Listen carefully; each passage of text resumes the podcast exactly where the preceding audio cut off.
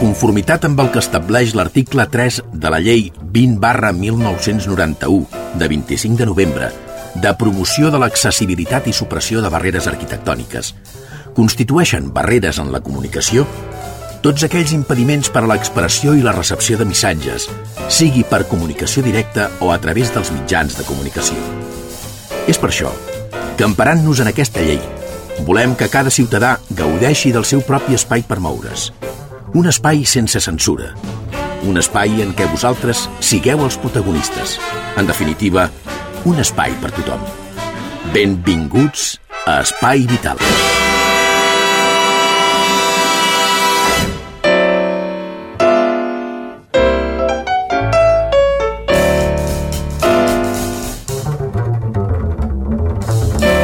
Senyores i senyors, què tal com estan? Ben trobats, benvinguts un dia més a l'Espai Vital. Per deferència, com sempre, la nostra gran mestra de la cuina, ella és la Teresa de Viu, bon dia. Bon dia a tothom. El Jordi Puy, els controls tècnics i un servidor, el Xavi Casas, amb 60 minuts que en aquests moments comencen. Estàs escoltant Espai Vital. Paràlisi supranuclear progressiva. Tu saps el que és això, Teresa? Pues no. Ahí t'he dejado yo tiesa, eh, amb Sí, això? sí, jo m'he sentit nuclear i ja em posen els cabells de punt. Ai, Déu meu, és, és, és una malaltia semblant al Parkinson, però no té res a veure. Eh? T'explico. A veure.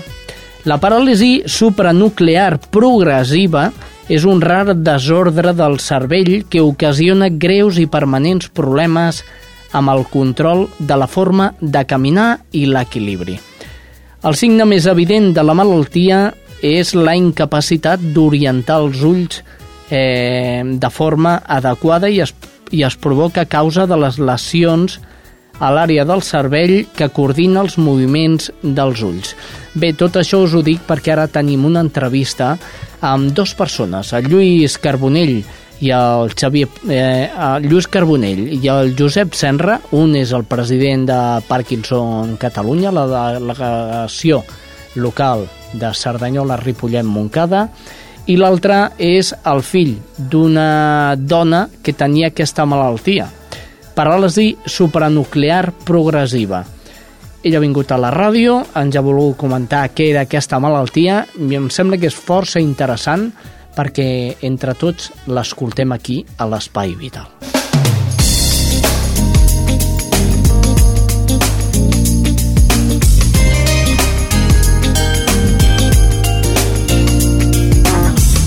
Lluís Carbonell és un veí de la nostra ciutat que vol realitzar a peu els 1.200 quilòmetres que separen Cerdanyola de Fisterra seguint el camí de Sant Jaume, més enllà de Compostela fins a l'Osea. Un repte que neix per conscienciar la societat de l'existència i els problemes amb què viuen els pacients de la paràlisi supranuclear progressiva, la PSP, una estranya malaltia que va patir la mare de, del propi Lluís Carbonell. Lluís, molt bon dia. Hola, bon dia. Eh, què és això de la PSP, la paràlisi supranuclear progressiva? Bueno, eh, la paràlisi supranuclear progressiva és un desorden del cervell on bueno, eh, afecta a un, a un seguit de parts del cos, com és la mobilitat, l'hora de la, la veu, a les extremitats i eh, bueno, se li diu progressiu perquè eh, a poc a poc es van paralitzant aquests, eh, aquests, aquestes parts del cos. Llavors, eh, és una enfermetat que la van descobrir l'any 64 per uns metges canadencs i eh, bueno, eh, les, primeres, eh, les primeres deduccions que tenien és que s'assemblaven molt a l'enfermetat del Parkinson, però eh, hi havia unes coses que no tenien res a veure amb el Parkinson, no? Llavors, eh, aquesta enfermetat, eh, bueno, el que havia dit, els moviments, les caigudes repentines cap enrere, i llavors és una eh, diguem, ja és diguem dintre de les malalties minoritàries que hi han més de 4.000 mi minoritàries llavors pues, avui en dia no hi ha una medicació que es pugui combatre contra aquesta enfermetat solament es poden tractar amb, amb, amb, amb fàrmacs del Parkinson no? Eh, una malaltia estranya, minoritària, que de vegades es confon amb el Parkinson i fins i tot hi ha algun moment en què també pot tenir alguns símptomes similar a l'Alzheimer, crec recordar. Sí, eh, pèrdua de memòria, eh, després també quan la persona està parlant tenen canvis d'humor diferents, diguem, pot eh, vindre de cop una rialla molt forta, plorar sense cap tipus de, de... no s'entén, no? Llavors, clar, eh, també pèrdua de memòria, no se'n recorden de les coses. El que passa és que aquesta malaltia, el cruel que té és que el procés que té, la persona s'entera totalment d'aquesta malaltia. El, el que és la, el, el declive de la persona, ella, la persona està conscient d'això, i això és molt... és una de les coses que determina que és una malaltia una miqueta cruel, saps?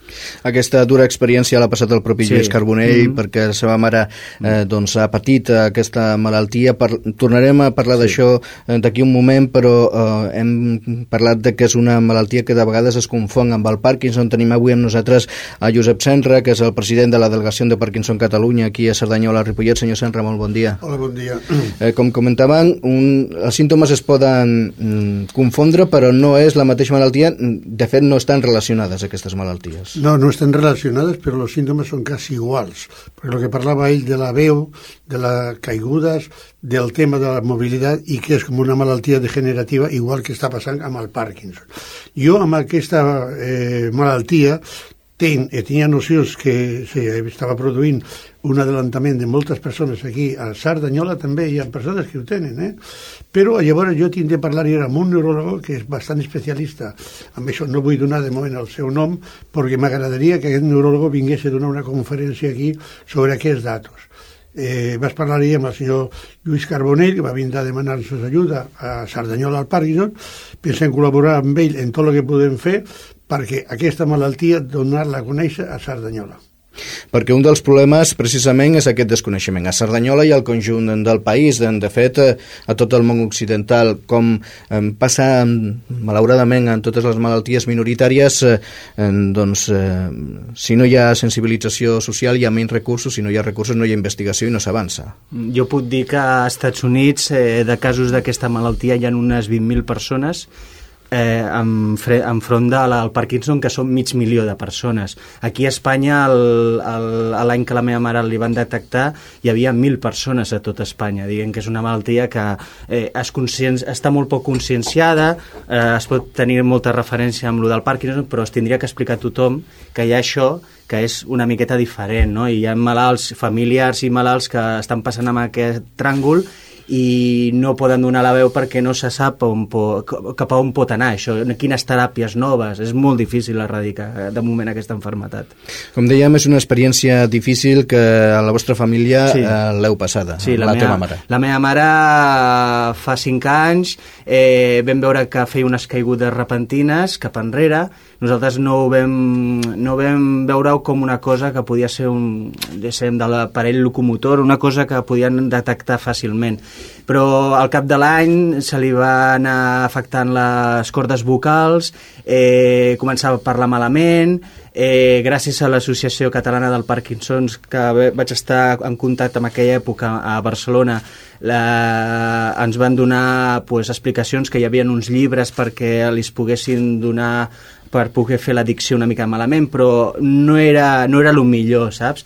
Després li van donar la medicació que ja t'havia dit del Parkinson. Al, al principi era una miqueta... se li anava bé, però després la medicació ja no era medicació per ella, no, no hi havia, no existia. Després se li va paralitzar el que és a les extremitats, eh, finalment va estar amb una cadira de rodes, no es podia ni aixecar, era, tenia un 85% de, de disminució i fins que bueno, eh, no va poder ni empassar-se ni els aliments perquè es paralitza la glotis. Llavors el que li tenen que fer aquests casos d'aquests malalts és fer-li una petita intervenció quirúrgica que es diu gastrotomia, que el que li fan és posar-li una cànula aquí a l'estómac perquè pugui menjar, però la meva mare l'estat de com estava ja no li vam posar perquè ja al cap de dos mesos es va morir. Tot aquest, aquest procés, eh, que òbviament és molt dur per la família, mm. ha de ser, a més a més, eh, doncs, eh, augmentat o agreujat pel fet de, eh, de que sigui una malaltia minoritària que, ni, que ningú la conegui, que no pots parlar, que, que la gent del teu entorn no té ni idea de, de, del que estàs passant exactament. Sí, sí. Eh, diguem, la meva família fins a l'últim moment eh, eh, no en tenien, no en tenien. Diguem, nosaltres ens ho havien explicat i li contaves a la família i ells ho negaven. Diu, com és possible fusible que això eh, sigui aquesta enferma. pues és real. Diguem, la, la gent que passa en aquest tràngol eh, que sàpiga clarament que el que és això és una enfermetat que és totalment desconeguda però que es té de donar a entendre de que, que existeix això i que per desgràcia pues, es té de passar aquesta enfermetat.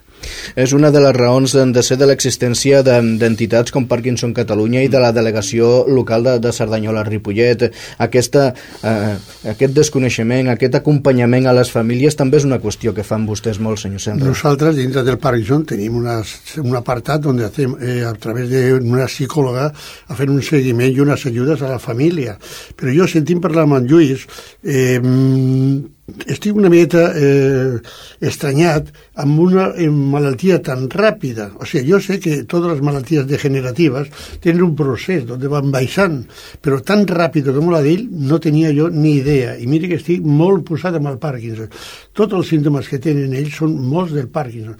No sé quin medicament li van donar amb ell, no, potser després le preguntaré, però avui en dia en el Parkinson hi ha molts, molts adelantos, com és l'últim que hi ha, que és la bomba de duodopa, que és l'últim adelanto que a Cerdanyola hi han sis persones que la porten i això eh, s'ha guanyat un 70 i un 80% en la recuperació, no en curar la malaltia, en la recuperació.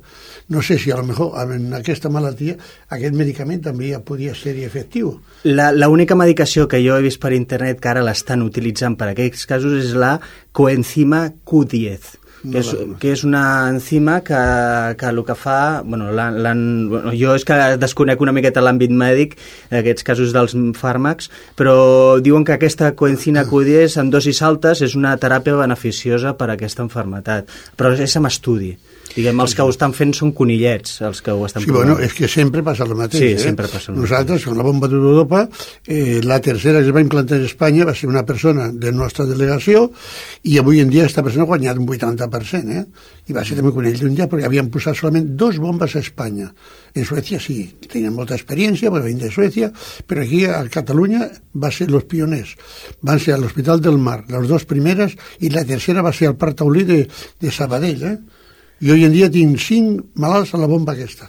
A més, és una, un, una cosa molt cara, també. Bueno, sí, però la subvenció, la, la seguretat social, eh?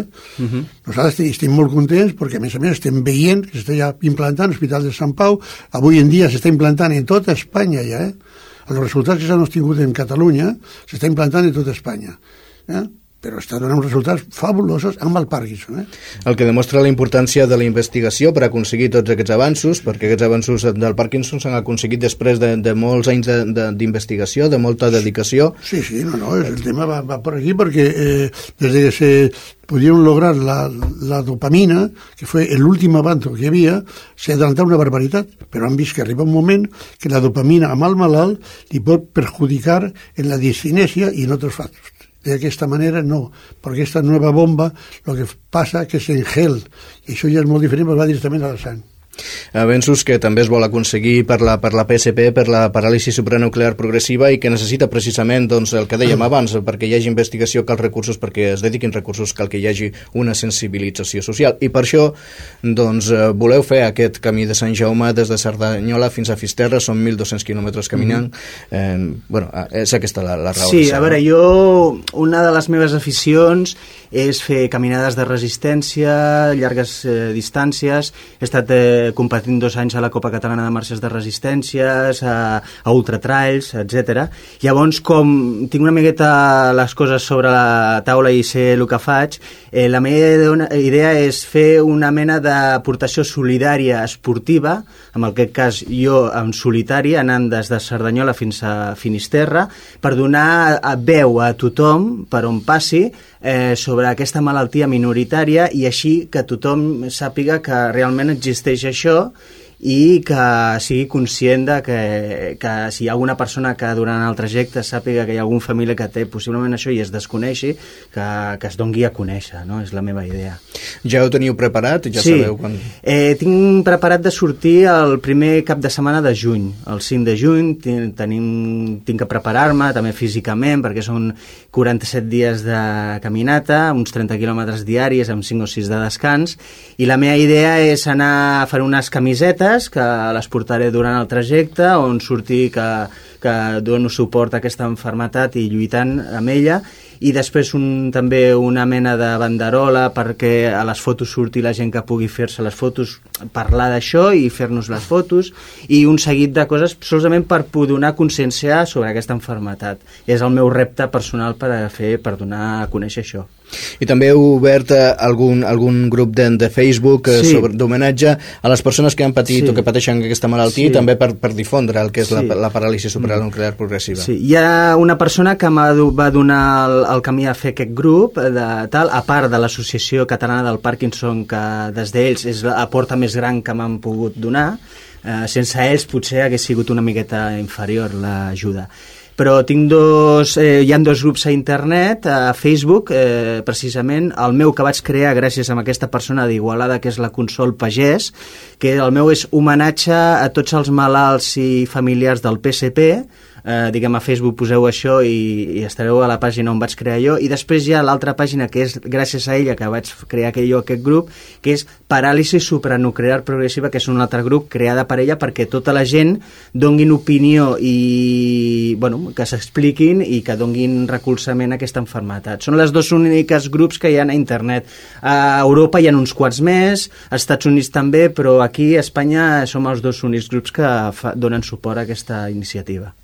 I, i senyor Serra, si algú sap precisament de la importància de fer aquestes tasques de difusió és, és vostè és la gent de Parkinson Catalunya. Bueno, jo agraeixo molt la manera que m'ha donat aquí d'informar-se, el tema que amb el Lluís eh, Carbonell eh, van parlar ja ahir una reunió, van tindre uns punts de vista molt importants, i jo ja he proposat per al dia 6 de maig, 6 de maig d'aquest any 2011, fer una xerrada, com buscar un neuròleg, podia ser un, un neurólogo, el doctor Miguel Aguilar, podria ser el doctor Miguel Puerta, para que el dia 6 de maig aquí a l'Ateneu farem una conferència juntament amb ells per aviam si podem desxifrar el que és aquesta malaltia i que tot Cerdanyola s'enteri. O sigui, podeu apuntar que pel dia 6 de maig aquí a l'Ateneu mirarem de fer una conferència sobre eh, els resultats d'aquesta malaltia i en què se diferencia del Parkinson.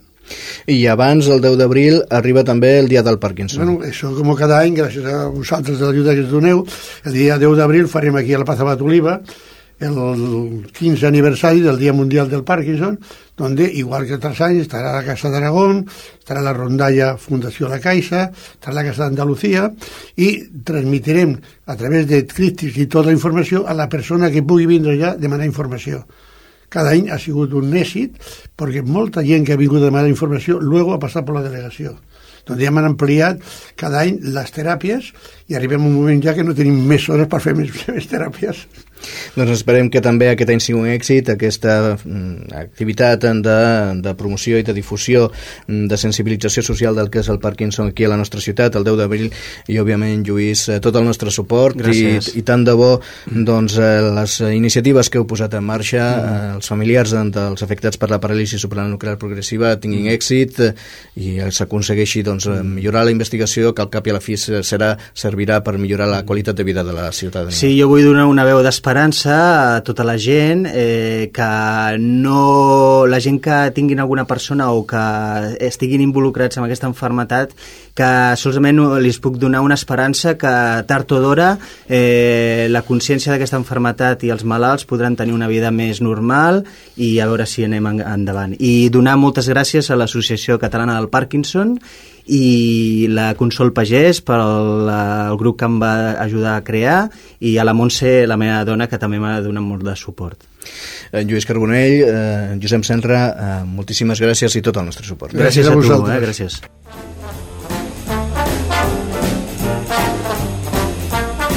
Això és Espai Vital. Molt bé, doncs Espai Vital des de Cerdanyola, Ripollet, Montcada, Barberà, Santa Perpètua i Sabadell. Eh, la mancomunitat dels municipis que coprodueixen Espai Vital són tots aquests. Interessant l'entrevista que el Xavi Poza va fer al Lluís Carbonell amb el Josep Senra sobre la paràlisi supranuclear progressiva. Realment esfereïdor. Molt bé, Teresa, doncs ara què toca? Ara, escoltar...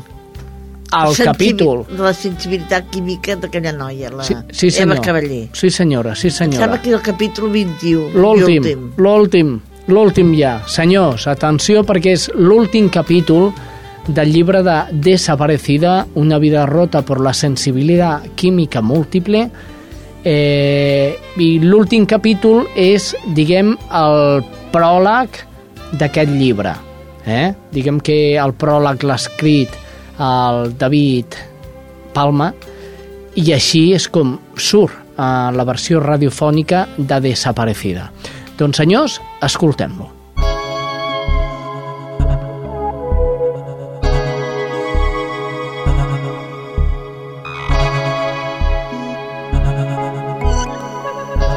Tras 34 años viviendo, puedo decir que lo mejor que me ha pasado es haber conocido a mi mujer.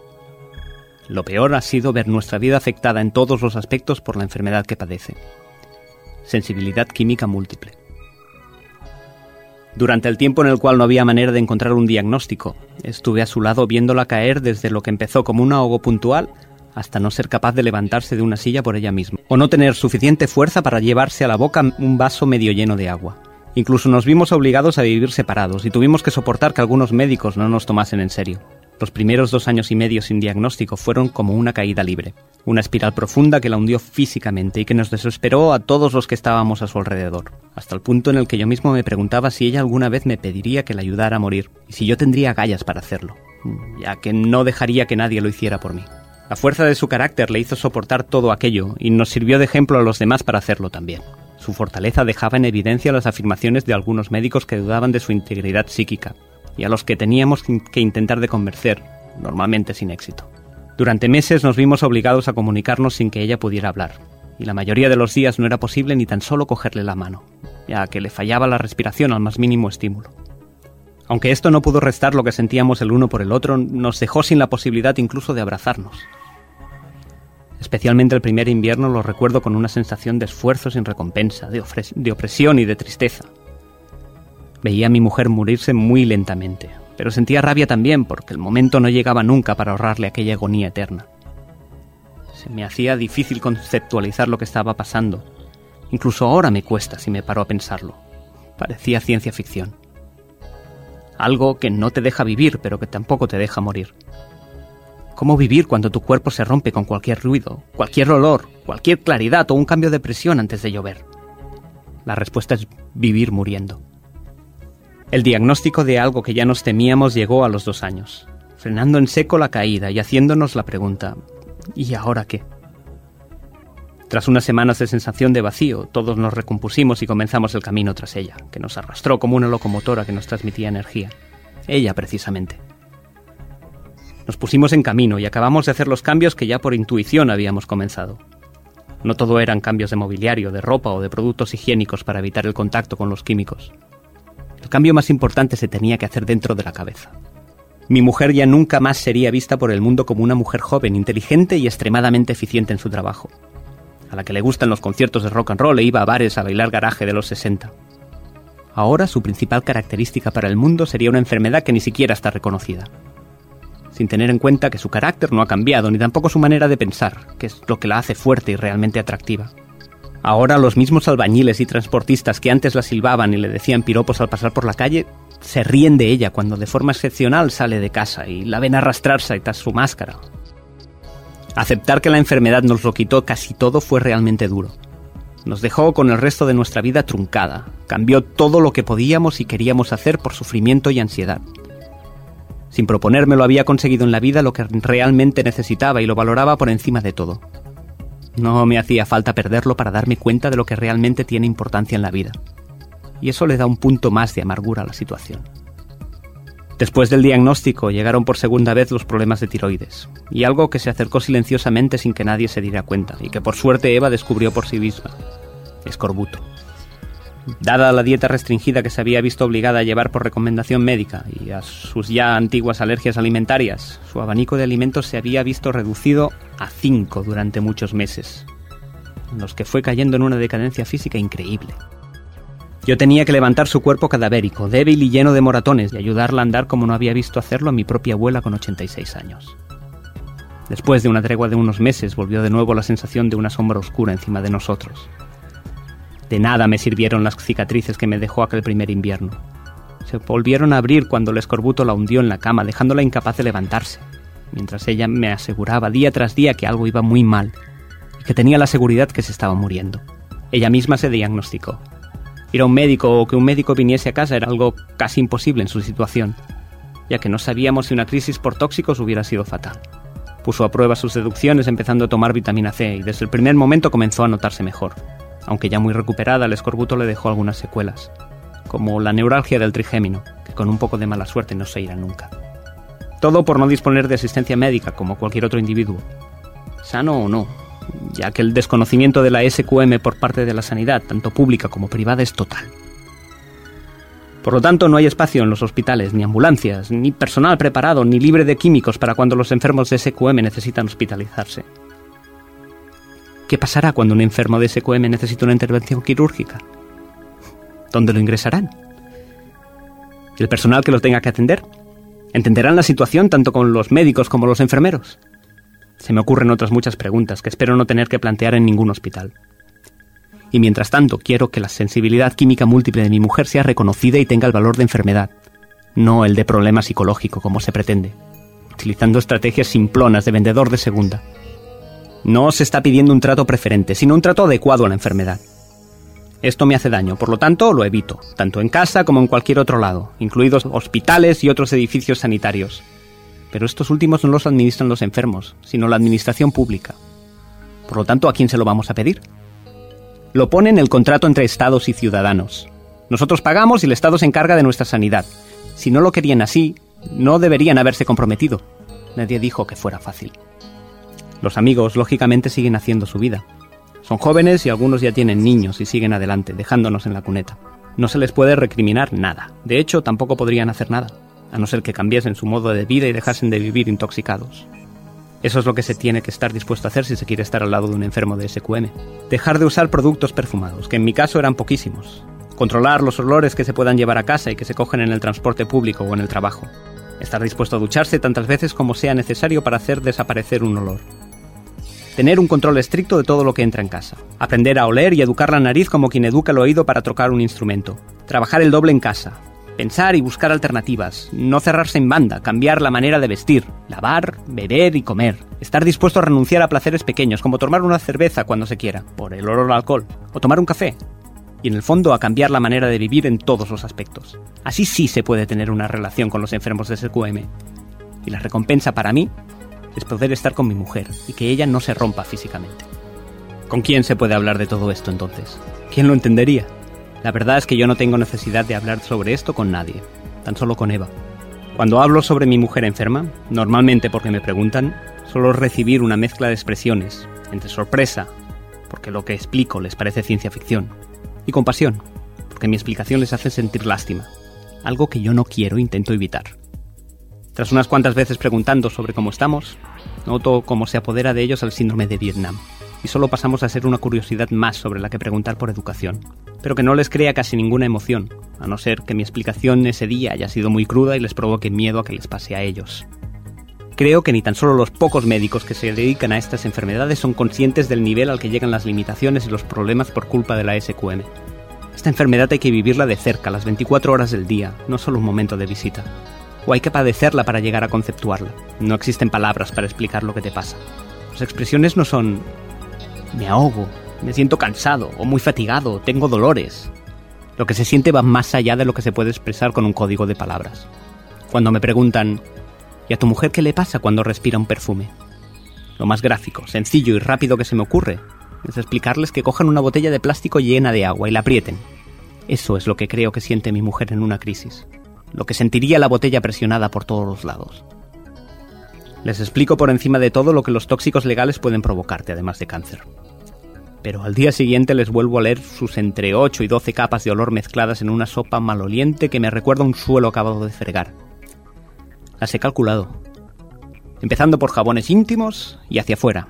Gel, champú, acondicionador, cremas hidratantes, desodorante, espuma, laca, maquillaje, jabón para ropa, suavizante para ropa, perfume, colonia, ambientador de casa, ambientador de coche y restos de otros humanos que vayan igualmente cargados de aromas. El primer día que me preguntan es un shock para ellos. Pero como por ahora no les pasa nada, siguen sin adoptar ninguna medida de precaución, porque deciden que el problema es que mi mujer es muy sensible. Y lo es. Pero un químico que puede matar a una mosca a ti te tiene que afectar de algún modo, porque la mosca está hecha de lo mismo que tú. Por muy baja que sea la dosis, y más si esa pequeña dosis va sumada a las otras 150.000 pequeñas dosis de sustancias tóxicas, pensar no está en boga en una sociedad sobrealimentada, sobreinformada e infraemocional. Y la economía mundial se basa en la industria química, así que el proceso para barrenar la muralla y que la SQM y otras enfermedades de origen ambiental salgan a la luz y finalmente se reconozcan, lo que obligaría, supongo, a poner medios para evitarlas, será muy largo y muy costoso, sobre todo mientras haya televisión. Los comentarios que recibo al explicar lo que implica la enfermedad en nuestra vida me hacen correr el riesgo de algo que no me gusta nada, que me ofende, que me tachen de héroe o de buena persona. Incluso una enferma que conocí me dio un beso por estar con Eva y no haberla dejado, que es algo que suele pasar. Algunas mujeres sanas me dicen que no creen que sus parejas seguirán con ellas. Pero lo que me sorprende de esta afirmación es que pensando esto sigan siendo pareja. Si con tu pareja no estás perfectamente en la salud, cuando llegue la enfermedad tu vida se convertirá en algo horrible e insoportable y le, harás un flaco favor al enfermo si continúas con él. Así que con las cartas de la relación por fin al descubierto, lo mejor que creo que se puede hacer es abandonar la relación. Yo no me considero ni héroe ni buena persona. Para mí es como si me llamaran tonto. Un héroe supongo que debe ser alguien que altruistamente ayuda o salva a alguien en apuros. Un soldado que se tira encima de una granada para salvar a sus compañeros. O una monja que ayuda en un país del tercer mundo sin intención de evangelizar, por ejemplo. Yo no soy altruista. Yo quiero a mi mujer.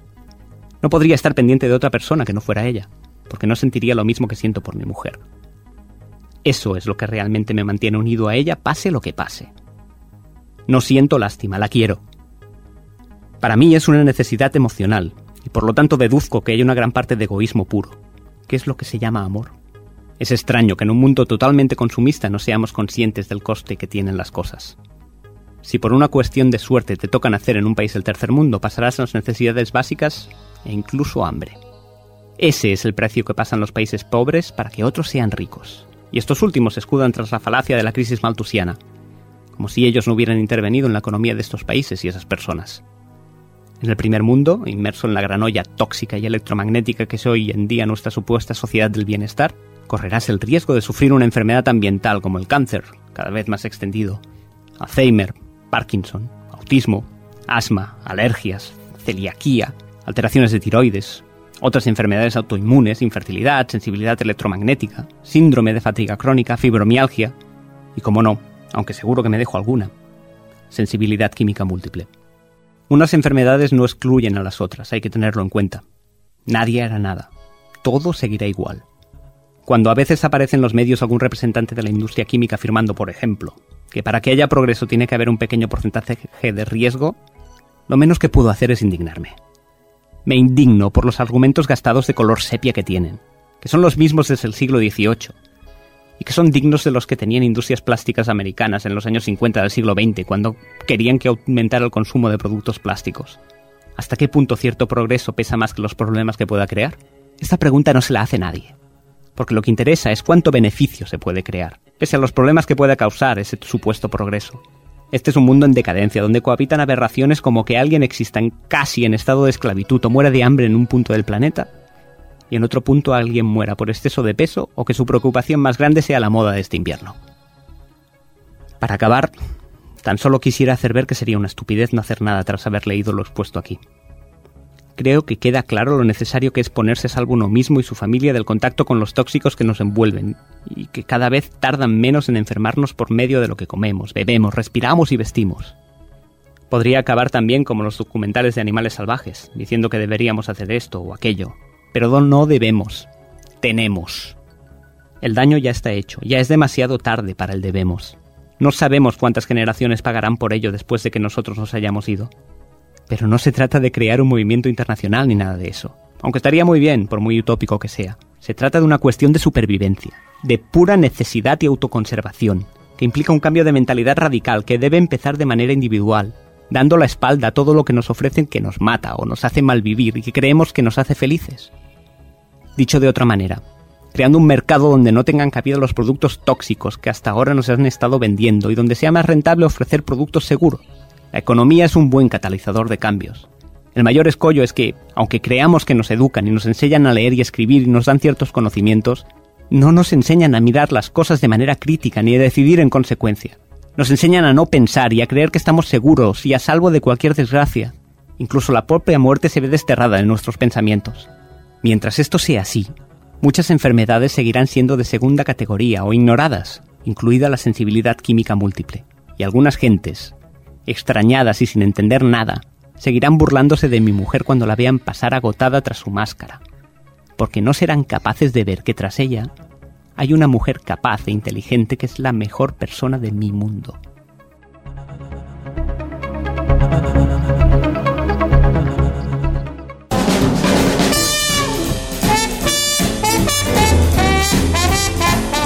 Estàs escoltant Espai Vital.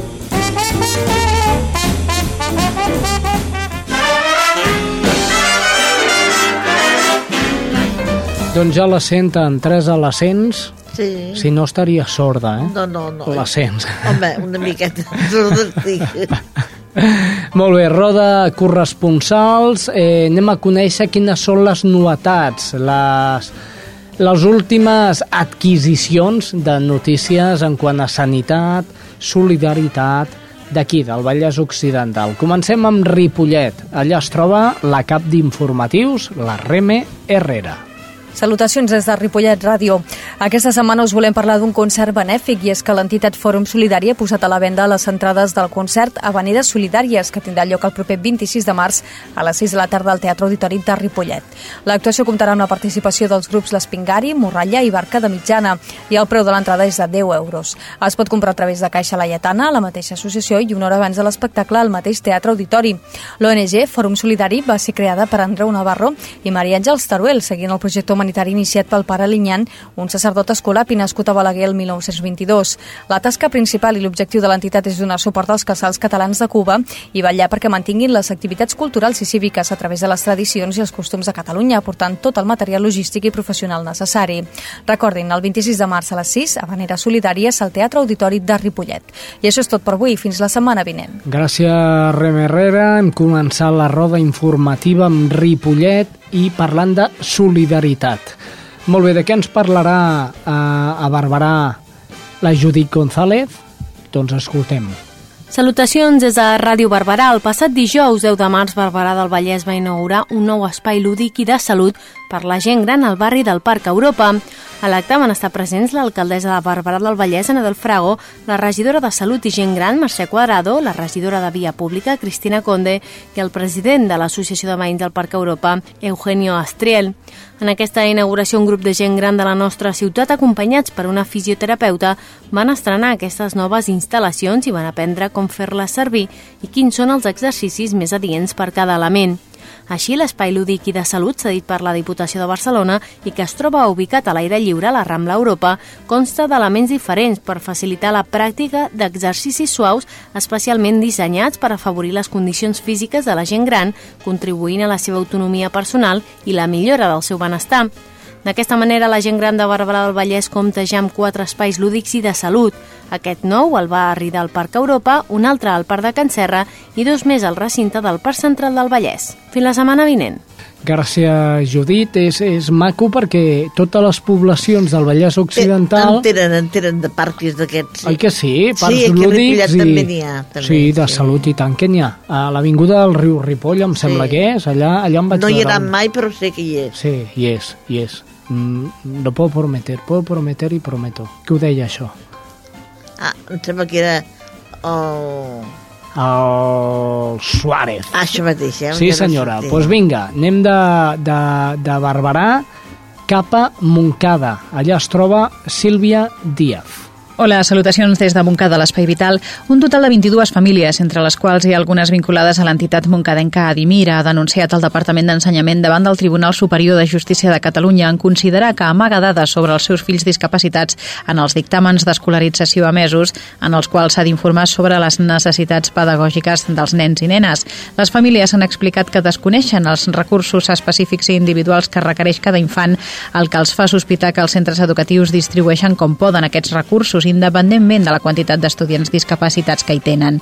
Els afectats també apunten motius econòmics alegant que al departament no li interessa fer públic els recursos destinats a cada alumne perquè es poden traduir en hores de batllador o de psicopedagot que comporta la destinació de més diners a aquest efecte. A tot això, l'entitat moncadenca Adimir ha anunciat que el pròxim 7 d'abril es reunirà amb la consellera d'Ensenyament, Irene Rigau. L'objectiu d'aquesta trobada, ha indicat l'associació, és transmetre al departament les mancances educatives que pateix el municipi en l'escolarització l'escolarització dels nens amb discapacitat a les escoles ordinàries. Sota l'efecte, Adimir lliurarà un document a Rigau amb les problemàtiques més urgents i una valoració del panorama educatiu real que hi ha al territori. Doncs bé, això tot. Fins la setmana vinent. Molt bé, doncs emplacem aquest tema que comentava la Sílvia eh, cap al 7 d'abril eh, dia en el qual també la Anna Ballesta, que és la responsable de l'espai Adimir, dins de l'espai sí. vital, eh, tindrà un programa, aquest espai especial, parlant sobre aquest tema. Molt bé, de Montcada cap a Santa Perpètua de la Moguda. Allà es troba Estrella Núñez. Salutacions des de Santa Perpètua. L'Agència de l'Habitatge de Catalunya ha sortejat un total de 32 pisos en protecció oficial de lloguer. La gran majoria, 27, estan situats a l'Avinguda de mossèn Jacint Verdaguer, número 38, i la resta, 5, al carrer de Salvador Espriu, número 72. L'acte s'ha celebrat al Centre Cívic al Vapor amb la presència de l'alcalde, Manuel Ruiz, i la regidora d'Urbanisme i Planificació, Maria Ángeles Sánchez. Els pisos estan eh, construïts, han estat construïts per l'Incalsol i seran administrats per l'agència, que des del 18 de novembre ha assumit les competències entre d'altres, de la promoció de l'habitatge, de la qualitat de l'edificació i la rehabilitació, dels programes socials en matèria d'habitatge i desenvolupa també la gestió que fins ara feia l'empresa pública Dixa. Els pisos de l'Avinguda de Jacint Verdaguer, destinats a la gent gran, estan situats al barri de Can Folguera en un solar cedit a l'Incasol per l'Ajuntament de Santa Perpètua. Es tracta d'un bloc amb 10 habitatges de dos dormitoris i 50 habitatges d'un dormitori. Tots els pisos són de lloguer i la gran part d'aquests habitatges ja van ser lliurats en una primera convocatòria. El darrer sorteig ha estat per adjudicar adjudicar els pisos que encara restaven pendents. La superfície dels habitatges va dels 42 metres quadrats al més petit als 57 metres quadrats al més gran. Els cinc pisos que s'han sortejat són de la promoció del carrer de Salvador Espriu, l'edifici de lloguer per a joves. Per accedir a aquests pisos s'han presentat un total de 62 sol·licituds, de les quals només 3 han estat excloses i una va renunciar abans del sorteig. La intenció de la Generalitat és que aquest mateix mes de març assignin els contractes de lloguer definitius. De moment, això és tot des de Santa Perpètua. Fins la setmana vinent. Bueno, bueno, ens alegrem, ens alegrem que es facin pisos de protecció oficial per persones amb discapacitat, també. Des eh? de l'EUO que sí. Que això ho haurien de prendre molts ajuntaments, molts sí. i molts. Molt bé, anem de Santa Perpètua al costat mateix de Santa Perpètua, que és Sabadell. Allà es troba la Karen Madrid. Salutacions des de Sabadell. Bones notícies pel punt d'extracció de sang del taulí. Només uns mesos després de la seva posada en marxa, ha aconseguit duplicar el nombre d'usuaris dels seus inicis. Ara, cada sessió aconsegueix una vintena de donants, mentre que al setembre s'hi acostaven una dotzena de persones. Des del Banc de Sang i Teixits de Catalunya atribueixen les xifres negatives dels primers mesos al fet que molts sabadellencs desconeixien l'existència d'aquest punt de donació. Ara, però, aquest servei està guanyant popularitat. Durant l'últim trimestre de l'any 2010, aquest i els altres punts de la ciutat van aconseguir més de 4.300 donacions. És tot des de Sabadell.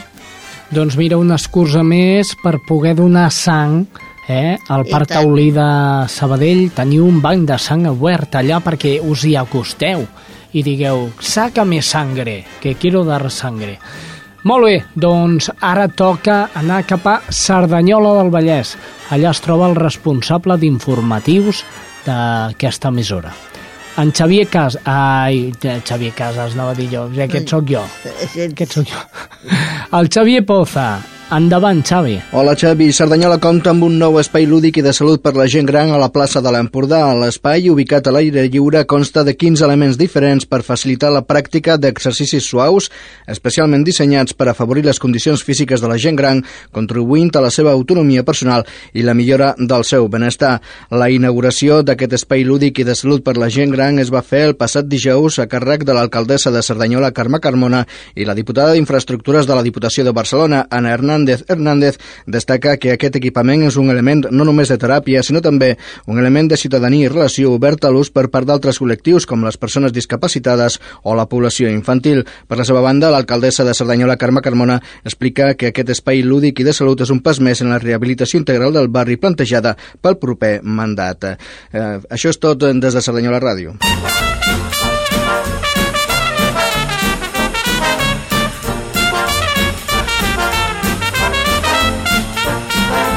Espai Vital.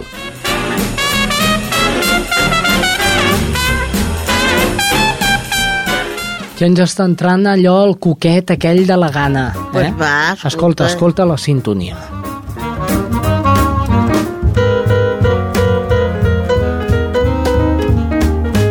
Molt bé, Teresa, què ens portes avui? Avui espàrrecs amb ous. Espàrrecs amb ous. Molt sí. bé, ingredients, espàrrecs i ous. Mira, es, això mateix, espàrrecs. 500 grams d'espàrrecs. Vale, molt bé. Si no són d'aquells naturals, pues estarien de congelat, això vosaltres mateixos. Molt bé. 4 ous. Virutes de formatge parmesà. Mm. Oli. Sal i pebre. Comencem. Doncs vinga, preparació del plat. Posem una olla al foc amb aigua, a bullir. Com bulli i tirem els espàrrecs. Deixem que bulli dos minuts. Ah, Quan hagi bullit dos minuts ja els podem escórrer, passar per l'aixeta i deixar que s'assequin. Amb un, paper d'aquells de cuina. que s'escorri, que, Que s'escor- s'escorrin, no que s'assequin. Es diu malament, eh, si s'assequen. Molt bé que s'escorrin, sí. Ben escorre, però ben escorreguts. Ah, Posem la planxa a escalfar. Després posem una paella també al foc amb oli que s'escalfi. Oli que posem bastant. Allà la, tant la paella que s'escalfi, doncs, a, la, a la planxa hi podem posar aquells espàrrecs que es facin a la planxa. molt bé. Posem els espàrrecs a la planxa i fem els ous, allò, fregim O ferrats. els ferrats Molt bé. i muntem el plat. Posem els espàrrecs en el plat Mm -hmm. i a sobre hi posem l'ou ferrat. ah, Els espàrrecs doncs, ho partiu per quatre i en quatre plats i a sobre doncs, l'ou ferrat. I posem allò una mica de pebre, una mica de sal i virutes de formatge ratllat sobre l'ou. molt bé. I ja teniu un plat, doncs mira, trobo que ha de ser bo perquè és l'ou ferrat, que això a tothom els agrada, i verdura, que és l'espàrrecs amb verdura, doncs no és una cosa que empalagosa i va molt bé per aquest temps. Molt bé. I que aprofiti. Doncs ja ho sabeu. Eh, espàrrecs amb ous ferrats, eh, formatge parmesà, i jo ja afegiria un condiment més, que seria el romesco, que ah. també està boníssim, Els tant amb els ous com amb els espàrrecs. Per això cadascú... Que s'ho faci a la seva manera. Sí, perquè hi ha Eh? persona que li agradarà, hi ha persona que no. Molt bé, doncs arribem al final del programa d'avui. Us presento un tema que a més a la Teresa li toca al cor. Que tinguem sort del Lluís Llach. Apa, fins la setmana vinent. Si em dius adeu Vull que el dia sigui net i clar Que cap ocell Trenqui l'harmonia del seu cant que tinguis sort i que trobis el que t'ha mancat en mi.